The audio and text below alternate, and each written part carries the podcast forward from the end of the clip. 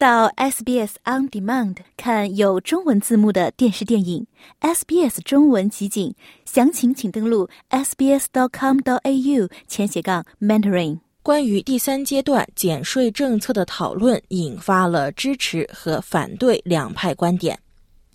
澳大利亚总理安东尼·阿尔巴尼斯是向澳大利亚人提出这一方案的人之一。This is the right decision being done for the right reasons. 这是出于正确理由做出的正确决定。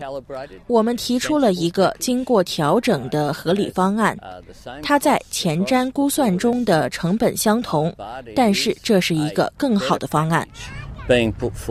根据工党调整之后的政策方案，从七月一日起，针对高收入者的减税额度将减少，并且重新分配给收入低于十五万澳元的纳税人。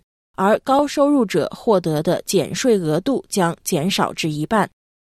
根据新的政策方案，平均收入者将获得八百澳元的减税。新的政策方案也将在未来十年内为政府增加二百八十亿澳元的收入。财政部长凯蒂·加拉格尔与总理一同为该方案背书。We've again thought about this carefully. Our plan actually deals with bracket creep. 我们再次仔细考虑了这个问题。我们的计划实际上是为了解决阶梯式税率上涨的问题，尤其是在整个收入范围之内。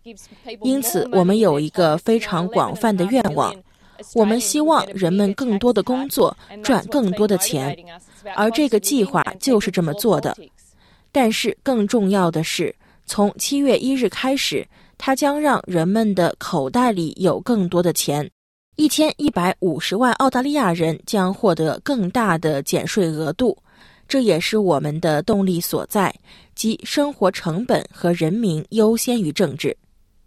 讨论的另一方则认为，联邦政府欺骗了澳大利亚人，因为最初的减税方案承诺为高收入者提供更大的减税额度。反对党副领袖苏珊·莱伊对政策改变予以批评。This has to be undone with legislation. This is already legislated, and that's a key difference. 这必须通过立法来撤销，这已经是立法的，这也是人们将其与其他政策相比较的主要区别。理解这一点真的很重要。还有一点就是，如果你今天感觉困难，那么这份方案中没有任何内容会对你有帮助。物价在上涨，没有任何经济计划来解决我们身边物价上涨的事实。你的房贷在涨，你的日用品价格在涨，眼下应对不断上涨的生活成本是如此艰难。反对党领袖彼得·达顿重申了这一观点，并补充说，他认为总理已经失去了公众的信任。这是对信任的严重破坏，是一种背叛。总理曾在一百多个场合承诺过这一点。这不仅仅是他在新闻发布会上随口说的一句话，因为我言出必行，我会一直重申。我认为大多数澳大利亚人都不希望看到一个总理当面一套，背后一套。达顿甚至呼吁提前举行大选，但是阿尔巴尼斯表示那是不可能的。Well, the earliest election is August 2024. So you work it out. 选举最早在二零二四年八月举行，而减税将于七月一日实施。彼得·达顿总是喜欢搞政治，这是关乎人民而非政治。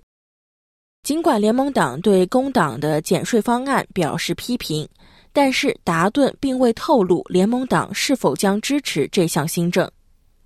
如果在议会受到挑战，工党将需要绿党和两名中立议员的支持。但是，绿党领袖亚当·班特呼吁进一步修改方案，以确保中低收入者获得更多的财政减免。对此，总理阿尔巴尼斯表示欢迎相关对话。